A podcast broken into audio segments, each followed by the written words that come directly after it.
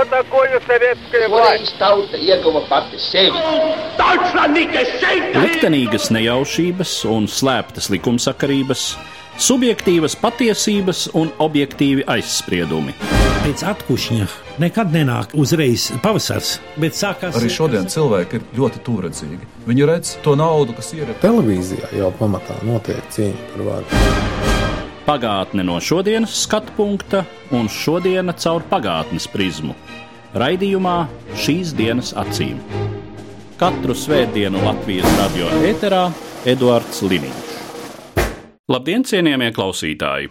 1817. gada 25. augustā Kurzemes Lantāks apstiprina lēmumu par Kurzemes zemnieku brīvlaišanu.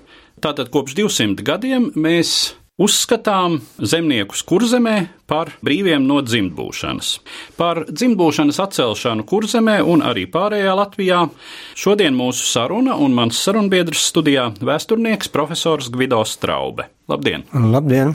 Tas process šeit, Krievijas impērijas Baltijas guberņās, kas sākas jau faktiski ar 19. gadsimta pirmajiem gadiem, ar jaunu zemnieku likumu pieņemšanu, un tad gadsimta otrā desmitgade, 11. gadi ir tie, kad dzimtbūšana tiek atcelta. Visagrāk tas notiek Igaunijā, respektīvi Igaunijas jeb Estlandes guberņā 1816. gadā tiek izsludināta brīvlaišana, tad, kā es minēju, 17. gadā pieņemts lēmums 18. gada 20. augustā, tātad pēc gada. Šis lēmums izsludināts galu galā zemniekiem, nu un vidzemes guberņa visbeidzot ar lēmumu 19. gada 26. martā un pasludināšanu 20. gada sākumā ja mēs runājam par dzimtbūšanas atcelšanu, kad un kādos apstākļos dzimtbūšana šeit, Baltijā un Latvijā iestājās, kopš kura brīža mēs uzskatām, ka šejienes zemnieki ir dzimt atkarīgi. Parasti mēs dzīvojam ar šo ļoti jauko stereotipu par uh, tiem garajiem 700 verdzības gadiem, bet patiesībā jau laikam nemaz tā dzimbušana nav tik ilgs process. Dzimbušana noformējās tikai 17. gadsimtā, un te varbūt tās tā nelielā vēstures paradigma, jeb īpatnība, jeb neiedzība.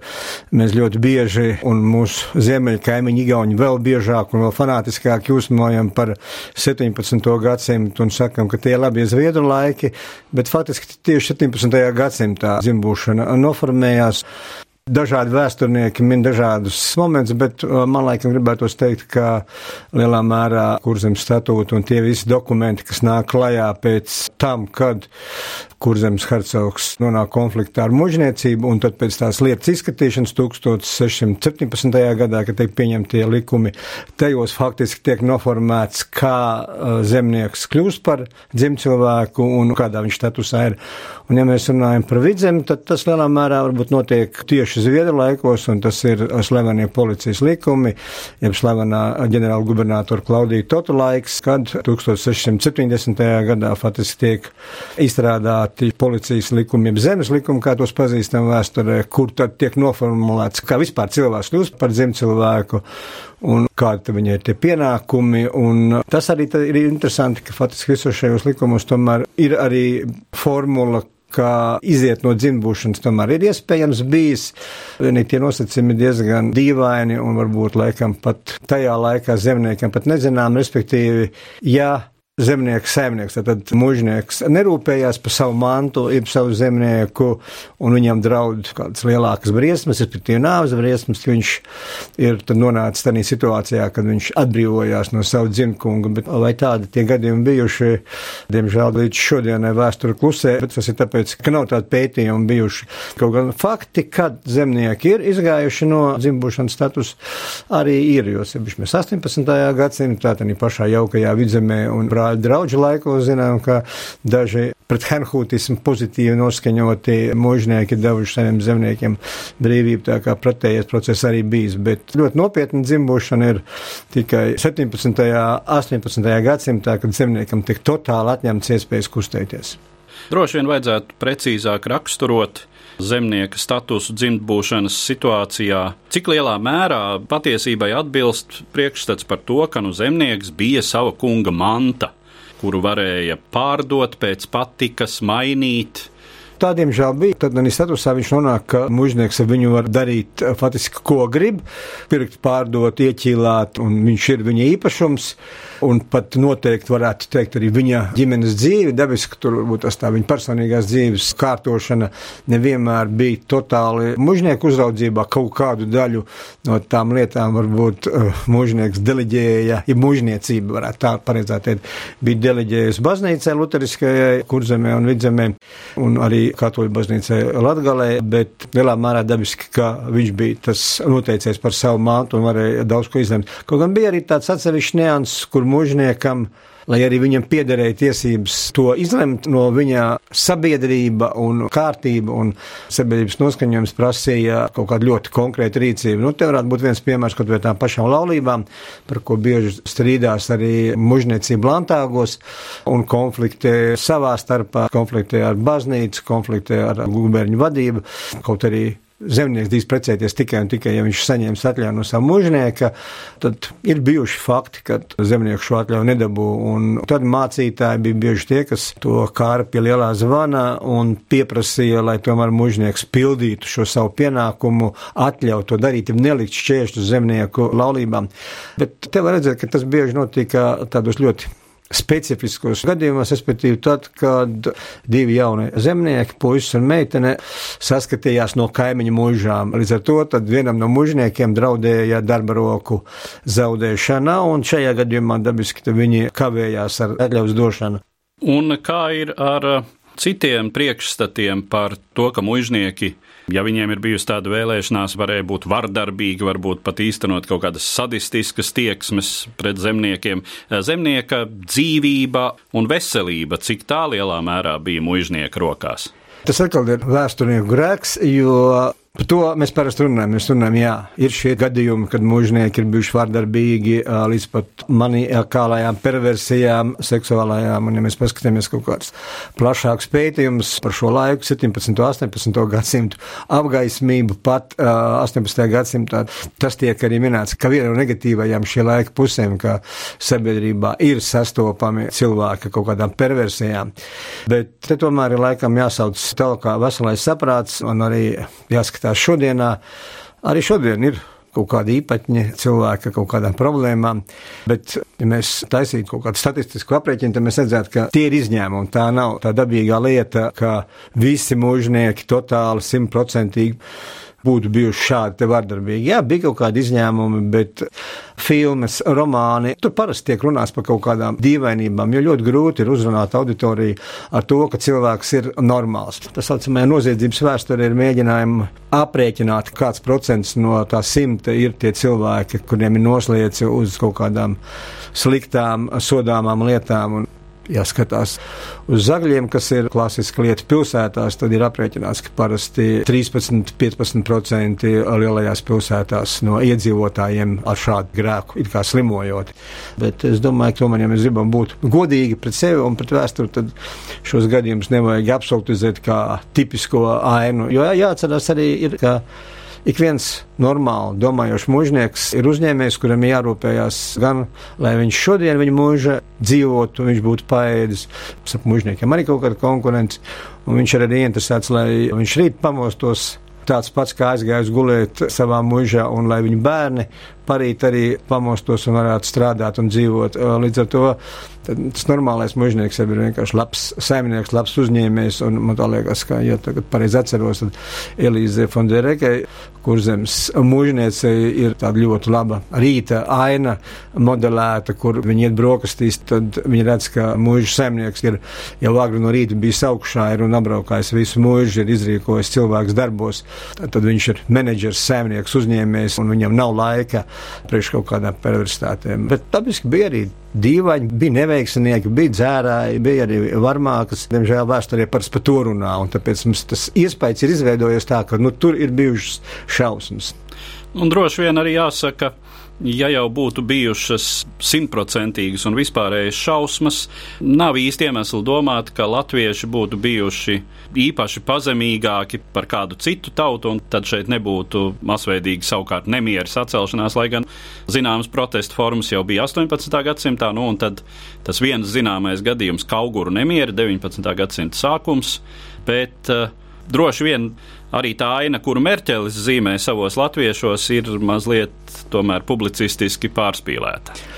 Nu, es domāju, ka te var teikt krietni varbūt tas skarbāk, un ir arī tie uzskati, ka Merķels lielā mērā caur latviešiem ir mēģinājis propagandiski aizstāvēt to jauno liberālās mužniecības līniju par nekavējošu, ja iespējams ātrāku dzimt cilvēku statusa atcelšanu un tiesību došanu cilvēkiem, kas lielā mērā sakrīt ar tā laika apgaismības idejām, apgaismības noskaņojumiem, kur tas uzskats, ka ik viens cilvēks ir pelnījis būt brīvs un visiem jābūt vienādām tiesībām. Tas lielā mērā varbūt tā programmatiski šajā dokumentā ir ielikts. Turklāt lielā mērā par to liek arī domāt tas, ka Merķelim pēc sava darba publicēšanas nekādas lielas ziepes nesanāk. Ja mēs paskatāmies vēsturē desmit gadus iepriekš, kad Janovs uzraksta savu slaveno verdzības vēsturi, kur arī ļoti līdzīgi runā par tām pašām problēmām, un ir pirmais, kas nosauc šo latviešu un igauņu zemnieku statusu kā dzimtscilvēkiem, ka tas ir vargiem līdzīgs. Viņš faktiski nonāk tādā sabiedrības izolācijā, viņam grūti atrast darbu. Ir.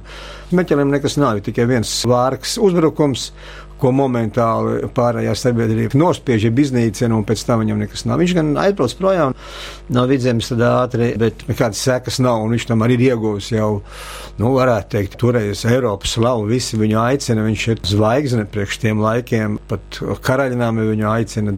Tā tad ir skaidrs, ka līdz ar 18. gadsimta beigām pārmaiņas ir nobriedušas. Viens ir vispār zināmais Eiropas fons, kur ir notikusi Lielā Franču revolūcija un brīvības un vienlīdzības idejas. Tā vai citādi aktualizējas, un arī šeit, Ziemeļaustrum Eiropā, pakāpeniski notiek pārmaiņas, un acīm redzot, tas būtiskākais, kas ietekmē procesus šeit, Baltijā, kas ir tobrīd jau Krievijas impērijas daļa, ir dzimbūšanas atcelšana Prūsijā, kas notiek 19. gadsimta sākumā. Un droši vien tās saites starp šejienes vācu muizniecību un pārējo vācisko pasauli, tad arī ir tas, kas mudina arī šejienes eliti iet uz šīm pārmaiņām, nu tā tad dzimbūšanas atcelšana, pakāpeniska pāriešana uz algota darbinieka un darba devēja attiecībām starp muiznieku un zemnieku, kas gan ir diezgan ilgs process. Kas noteica konkrētāk šo pārmaiņu nepieciešamību? Tā viena lieta ir šīs izmaiņas Eiropā un, un apgaismības gadsimta nestās pārmaiņas domāšana. Tā ir viena lieta. Otra lieta, man liekas, ir jārunā par šo divu monarhu tādu rivalitāti, respektīvi par Napoleonu un Aleksandru I, jo viņi sākot ar 19. gadsimtu sākumu iesaistās tādā sacensībā, kurš ir liberālāks, labāks, pozitīvāks. Un te jāatcerās arī zimbūšanas atcelšanas lieta Polijā un tad tie vēlākie Aleksandra pirmā solījumi, ka viņš arī centīsies kaut ko darīt, un faktiski jau pēc 1804. gada Krievijas impērijā aizsākās tas process kaut ko darīt labu zemniekiem, respektīvi likvidēt dzimbūšanu, un tiek izveidot komisija, kas strādā pie šo jauno likumu izveidošanas, un tad, diemžēl, diemžēl šie notikumi 1812. gada Napoleona iebrukums Krievijas impērijā pārtrauc kaut kādu laiku to procesu, un tad, kad atkal ir iestājies miers, tad dabiski visi gaida no Aleksandra kaut kādu rīcību, Laikam jāņem arī vērā tas, ka šis karagājiens, Napoleona izdzīšana apakaļ uz Franciju, tas bija kā tāds ļoti labs demonstrējums uh, Aleksandram I, ko ir Eiropa sasniegusi ar liberālām likuma normām, ar cilvēku brīvību. Līdz ar to tas laikam arī viņi iedrošināja spērt to galīgo soli un piespiest sākotnēji Igaunijas mužniecību, 16. gadā pēc tam kurzemes mužniecību un 19. gadā arī vidzemes mužniecību šos brīvlēšanas likumus ieviest. Uh, līdz ar to šī saspēle bija no visām pusēm, tad gan mužniecības iekšējā nepieciešama nepieciešamība kaut ko mainīt, jo tā konkurence pieaug un tam mužniekam jādomā, kā pastāvēt sabiedrībā. Valsts vara, zemnieku neapmierinātība nosacīt arī un ka auguru nemiera arī tas piemērs, ka zemnieki alka kaut kādas pārmaiņas. Un tad arī interesanti šajā dzimbūšanas atcelšanas procesā, man liekas, ļoti labu lomu nospēlēja arī toreizējais Baltijas ģenerāla gubernators Itāļu Marķīs Filipo Paulučī, kurš pārkāpa to tradīciju, ka ģenerāla gubernators var nākt uz Lantāgu un Lantāgam uzspiest kaut kādu gribu. Viņš to ir darījis vairāk kāds, ap citu arī tas varbūt tas viņa karstasinīgāk itāļu eh, darba stils, bet viņš bija tas, kas tanos izšķirīgajos momentos, ka mužniecība iekšēji strīdējās gan kurzems, gan vidzems, viņš bija tas, kurš uzspieda maksimāli ātru lēmumu pieņemšanu, jo iespējams, ka ja viņš nebūtu, varbūt tas process būtu ieldzis un grūti pateikt, kā tas būtu beidzies.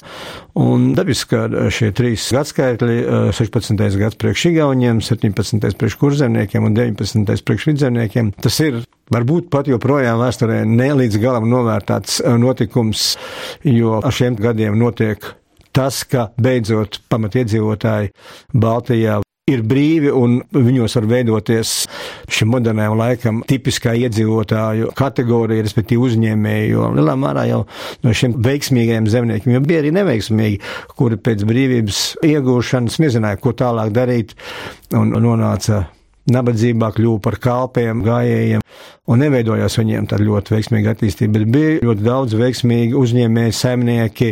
Faktiski, ja mēs skatāmies 19. gadsimta 70. un 80. gados, redzam, ko šīs paši mužnieki savos memoāros, savās atmiņās, ka viņu nopietnēs konkurence ir kļuvusi zemnieks, nevis uh, cita mūža, bet tieši zemnieka savu saimniekošanu, ar savu saimniekošanas efektivitāti. Tas viss dzimst ar 17. un 19. gadu, 19. gadsimta kurzemē un vidzemē. Līdz ar to tās ir ļoti būtisks pārmaiņas. Šis pārmaiņas atbrīvo ne uzreiz, tur jāpaiet bija 11 gadiem, kur zemē tas sākās tikai 14 gadus pēc.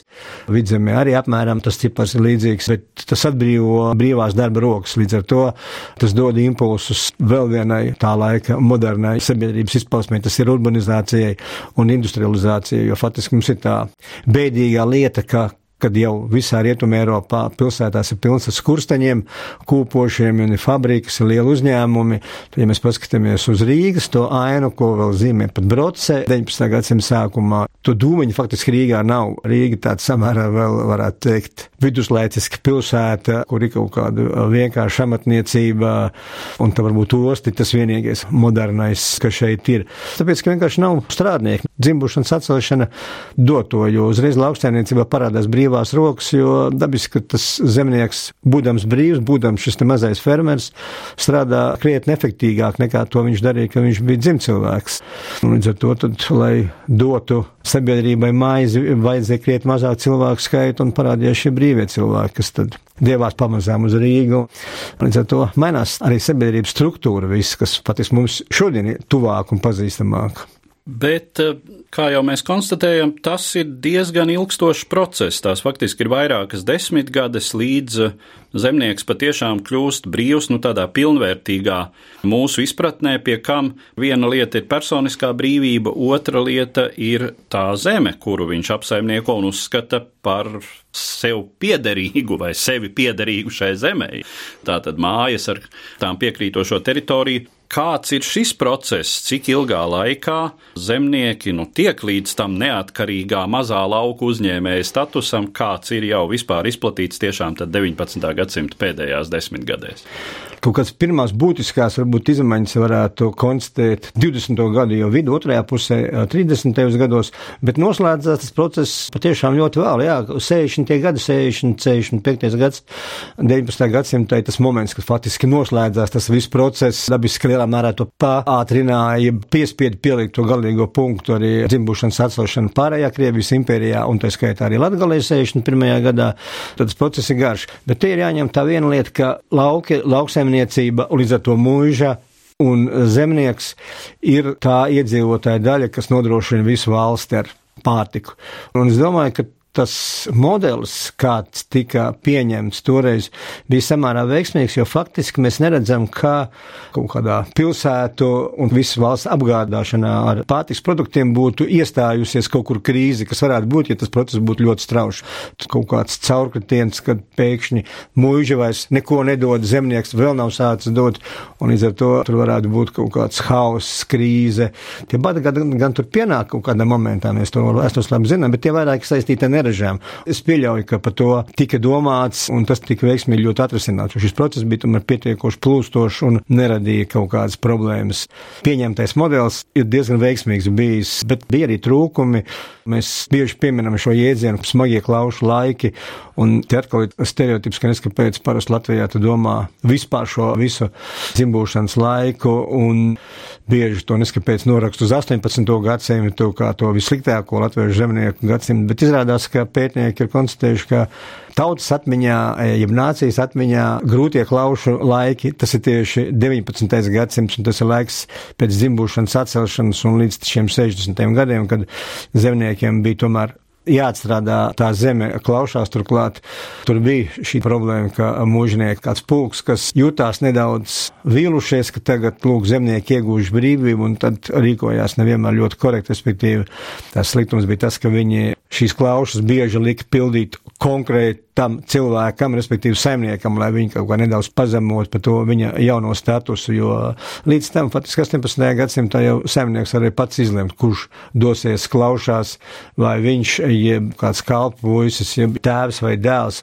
Mēs bieži uzskatām, ka, nu jā, 18. gadsimtā bija grūtāk. Šajā ziņā Igauni mūs ir apsteiguši, un Igauni vēsturnieks Kāks ir ļoti labi izrēķinājis, ka zemnieka ģimenē darba roku skaits 18. gadsimtā ir būtiski pieaudzis pats dubultojas un pat trīskāršojas, līdz ar to klaušu pildīt, pat ja tās ir vairāk apjomu ziņā, ir vieglāk, jo vienmēr viens cilvēks ir mājā, kas var māju kopt un mājā strādāt savā laukā un kāds ir ko klaušās sūtīt. Līdz ar to nemaz tik grūti varbūt tās arī nebija atšķirībā no 17. gadsimta, kur patiešām bieži tā, ka ir viens šis zemnieks pilngadīgais, kas var arklu turēt, un līdz ar to viņam ir jāsadalās starp mūžu un mājām. 18. gadsimtā tā patiesībā vairs nav problēma. Bet 19. gadsimtā bija tā situācija, ka, diemžēl, daži mužnieki mēģināja kaut kā parādīt, ka tomēr viņi var noteikt šos spēles noteikumus un prasīja, tad, kad tieši saimniekam jānāk uz mūžu. Un tad bieži tie jaunie līgumi, kurus slēdz mužnieki saimniekiem par šo zemes izmantošanu, dažkārt bija krietni nežēlīgāki, skarbāki nekā tie nosacījumi bija 18. gadsimtā, tāpēc ir klaušu laiks, kā sliktais, ļaunais klaušu laiks, tas ir tieši tas laiks no dzimšanas atcelšanas tā likuma, kad tie stājās spēkā līdz tai totālai klaušu darba aizliekšanai, kas kurzemē, diemžēl, beidzās visvēlāk. 60. gados, ja vidzemē tas notika ātrāk, un ir grūti saprast, kāpēc, tad kurzemē faktiski aizvēlkās līdz 60. gadiem, kad jau ar likumiem stingri valsts pasaka viss, nekāds klaušu darbs. Vēlreiz precizējot, vispārējā valsts noteiktā kārtība zemniekam pakāpeniski tiek dotas brīvas pārvietošanās tiesības, tātad brīvība izvēlēties dzīves un darba vietu, kas gan arī, kā var lasīt, tad vispirms tas ir mazāk administratīvas vienības robežās. Nē, samudis ir pagasts mūža un tālāk tas pakāpeniski pieauga. Nu, ja tas ir saistīts ar dabiski tā laika tempiem, jo tad cilvēkam ir tas, ir, kas notiek 20. gados, vidzemē, 30. gados, kurzemē, uzvārdu došanas, tad cilvēkiem ir pakāpeniski jāiegūst personu apliecinoši dokumenti. Tā ir viena lieta, otra lieta - šī kustēšanās, jo tas nosacījums ir tāds ļoti, man liekas, saprātīgs. Tad mūžnieks var dot atļauju zemniekam pamest teritoriju, ja viņš faktiski ir nevajadzīgs. Ja ir nepieciešami pēc darba spēka, tad mužniekam bija šīs tiesības arī nelaist zemnieku projām. Tad te ir tas saprātīgums, lai tas mehānisms viss darbotos. Līdz ar to, ja atbrīvojās šis darba rokas, jā, tad dabiski, lai viņas nemaisītos, netraucētu, tad viņiem tik dot brīvību. Turklāt tas ir ļoti arī pozitīvi priekš lokālā miera, jo, ja cilvēkam nav ko darīt, tad viņš varbūt sāks dzert un, un sāks taisīt kaut kādas nepatikšanas. Tā kā tas notiek pamazām, un es domāju, tur arī ir kaut kāds saprātīgums, lai tas mehānisms būtu mierīgs, pārējošs, un pilsētu viņas varētu pamazām uzņemt. Jo faktiski mēs redzam, ka ar 19. gadsimta vidu otro pusi pilsētā arī parādās sociālās problēmas, jo dabiski, ka cilvēks, kas atnācis no laukiem, nu, viņš ir pieradis pie galīgi cita dzīves stila, un tā arī viena no pilsētas problēmām parādās, ka šie jaunienācēji, kas pēkšņi spiesti dzīvot galīgi citos dzīves apstākļos, kaut kādos mazos dzīvoklīšos, regulāri iet uz darbu, un te viņiem brīvdienas, kur it kā nav ko darīt, Līdz ar to sākās atkal problēmas alkoholisms un parādās visādi gudrinieki, kas viņus mēģina iesaistīt dažādās organizācijās. Parādās, mēs zinām, šajā laikā vesels lērums ar jaunām paznīcām, sektām, kuras tad mēģina zvejot šos cilvēkus, kas faktiski ir izkrituši no laivas. Tā kā varbūt ir labi, ka tas notiek pamazām. Kā valsts vara regulē šīs zemes piederības attiecības. Zeme joprojām paliek muiznieka īpašums, un kā tad zemnieks var tikt pie savas zemes? Tas pirmais gājiens jau ir 1804. gada vidzemes zemnieku likumos, kur ir mēģinājums nodalīt šīs zemes, kas nepatīk nevienam ne otram, un pēc tam ar dzimbušanas atcelšanu Tā varbūt ir tā vājākā vieta dzimbušanas atcelšanā, ko arī parasti visi kritizē, respektīvi, kurš runā par šo putnu brīvību, ka zemnieks iegūst personīgo brīvību, neiegūst nekādu zemes gabalu, bet tad viņam ir tā samērā tuvā tomēr perspektīva, ka pēc kāda laika viņš varēs šo zemi iegūt, atpērkot. Līdz ar to tas varbūt tas ir tas mīnus, ka zemnieks kaut kādu laiku tad nonāk tādā atkarībā no mužnieka, vai viņam tas zemes gabals, kas joprojām ir mužnieka īpašumā, ko tu valsts tā noteikusi, ka kaut kādā laikā tam tā ir jāpastāv, tad viņam tas ir jāatstrādā, un tad šis klaušu ļaunums nāk līdzi. Bet tad ir tā nākošā problēma, kas ļoti interesanti tiek risināta Vairāk to var redzēt vidzemē, kad vidzemē 20. gados parādās šī pirmā iespēja zemniekiem izpirkt zemi, tad ir tāds sprādziens zemnieku smadzenēs, ko darīt, jo to, ko jūs ļoti labi teicāt jau iepriekš, ka faktiski jau zemniekam ir galvā tas uzskats, tā ir mana zeme. Līdz ar to viņš, tā parādās šīs iespējas izpirkt zemi, tad viņš to nepērk, jo viņš sākotnēji vienalga ir pārliecināts, tā ir mana zeme, kāpēc man tā ir jāpērk. Turklāt ir tas otrs moments, kas man tā liekas ļoti tipisks zemniekam, viņam ir tā savu zemnieka viltība, gudrība, viņš mēdz bieži ļoti veiksmīgi blefot, lai atvieglotu savu likteni kaut kā. Un tas ir kārtējais zemnieku levs, ka viņi arī šo nepirkšanu argumentē to, ka viņiem nav tādas naudas. Bet lielā mērā viņam laikam to traucē darīt tā pārliecība, kāpēc man jāpērk savu zemi. Un tad vidzemē man tā liekas ļoti veiksmīgi nostrādā brāļi draudzi, hanhūtieši šie cilvēki ar brīvu cilvēku status, ilgstoša pieredze. Šie vāzbrāļi, lielākoties no uh, Oberlauzicas, kuri saka, pērkiet, jums būs iespējas. Un līdz ar to tieši tie hanhūtiskie zemnieki, kas ir krietni centīgāki darbā, jo tā brāļa raudze ir viņos iepotējusi, ka tikai caur darbu tev ir vislielākās garantijas nokļūt paradīzē. Tad līdz ar to viņi ļoti strādīgi, viņi sāk veidot vidzemē to pirmo bagātos saimnieku slāni. Viņiem tiek ieskaidrots pērkiet, un tie, kas pirmie sāk nākt to naudas maisiņu, beigt to pirmo iemaksu. Un tad ļoti interesanti, ja visu laiku viņi bļaustījās, ka viņiem nav nauda, tad pēkšņi viņiem tā nauda ir. Kaut gan nu, tā motivācija arī bija tāda, ka tā ir krāta paudžu paudzēm. Un tiklīdz atnāk tas otrais maksāšanas posms, kur tas starp ir nu, relatīvi maziņš, tur pat nav ceturtā, ja trešā daļa no vienas paudzes dzīves ilguma, viņš atkal var maksāt to pašu summu. Kā viņš pēkšņi tik īsā laikā sakrāja tikpat daudz naudas, cik pirms tam viņš samaksāja un, un motivēja to, ka tur ir krājuši viņš pats un tēvi un tēva tēvi un cik sen. Tad, tad man liekas, varētu tā ir tāda savas bagātības slēpšana, neizpaušana, tāda viltība, mēģinot iežēlināt cilvēkus. Bet tas process pamazām aiziet, un mēs jau upīšu zaļajā zemē redzam šo bagāto saimnieku, kas var mierīgi aizpīpēt cigāru ar naudas zīmi. Viņš ir jau tik situēts mērnieku laikos arī kauzīši. Mēs redzam prātnieku, kas ir ļoti veiksmīgs uzņēmējs. Tur gan viņš nekad neparādās kā zemnieks, bet no kā tam viņš var būt tik bagāts un tik izdarīgs. Ja, tā ir tā pieredze un tā ir šī apziņa, ka tu jau esi ieguvis kaut kādu statusu savā sabiedrībā. Jā, un droši vien, ka Tā arī ir tā būtiskā nozīme, kas ir šai dzimbūšanas atcelšanai. Tātad, ka sākot ar 1817. un 19. gadu, tad latvieši sāk veidoties par pilnvērtīgu Eiropas nāciju, nu, un pamazām briest tas, kas tad galu galā pēc simts gadiem nobriest kā tā valsts gatavība vai valsts griba.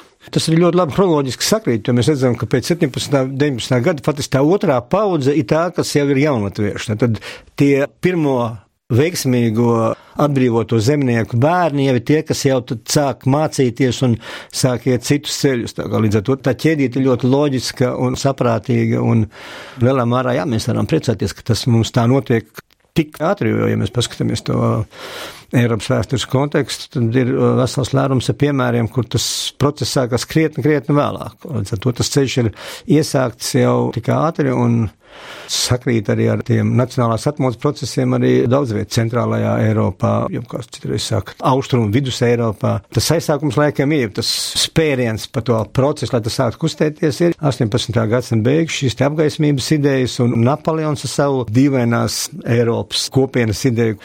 Tas iekustina nedaudz iemigušo sabiedrību, kur tās idejas brieda, brieda apgaismības gadsimtā, bet tur bija jāatrod kaut kāda realizācija. Tie procesi visi to pātrina, un kaut kur nemiera arī tas, man liekas, veiksmīgais moments, kas liek Krievijas imperatoram sākt domāt, ka nu patiešām ir kaut kas jādara. Un tā tad par laimi bija gana saprašanas darīt, un, kā jūs ļoti pareizi teicāt, tā tad atbrīvoto bērni jau sāka masveidā iet skolās. Mazbērnu paudzē jau parādās pirmie profesori un pirmie rūpnieki. Nu, un tad maz mazbērni vai maz maz mazbērni, nu tad ir ģenerāļi, prezidenti, vēstnieki un jau tiek pie savas neatkarīgas valsts simts gadus pēc šīs brīvlaišanas. Ar to mēs arī varētu noslēgt mūsu sarunu, kas bija veltīta zemnieku brīvlaišanai Kurzemē un visā pārējā Latvijā 19. gadsimta otrajā desmitgadē, un es saku paldies manam sarunbiedram, vēsturniekam, profesoram Gvido Straubem. Katru svētdienu Latvijas radio viens par pagātni sarunājas Eduards Liniņš.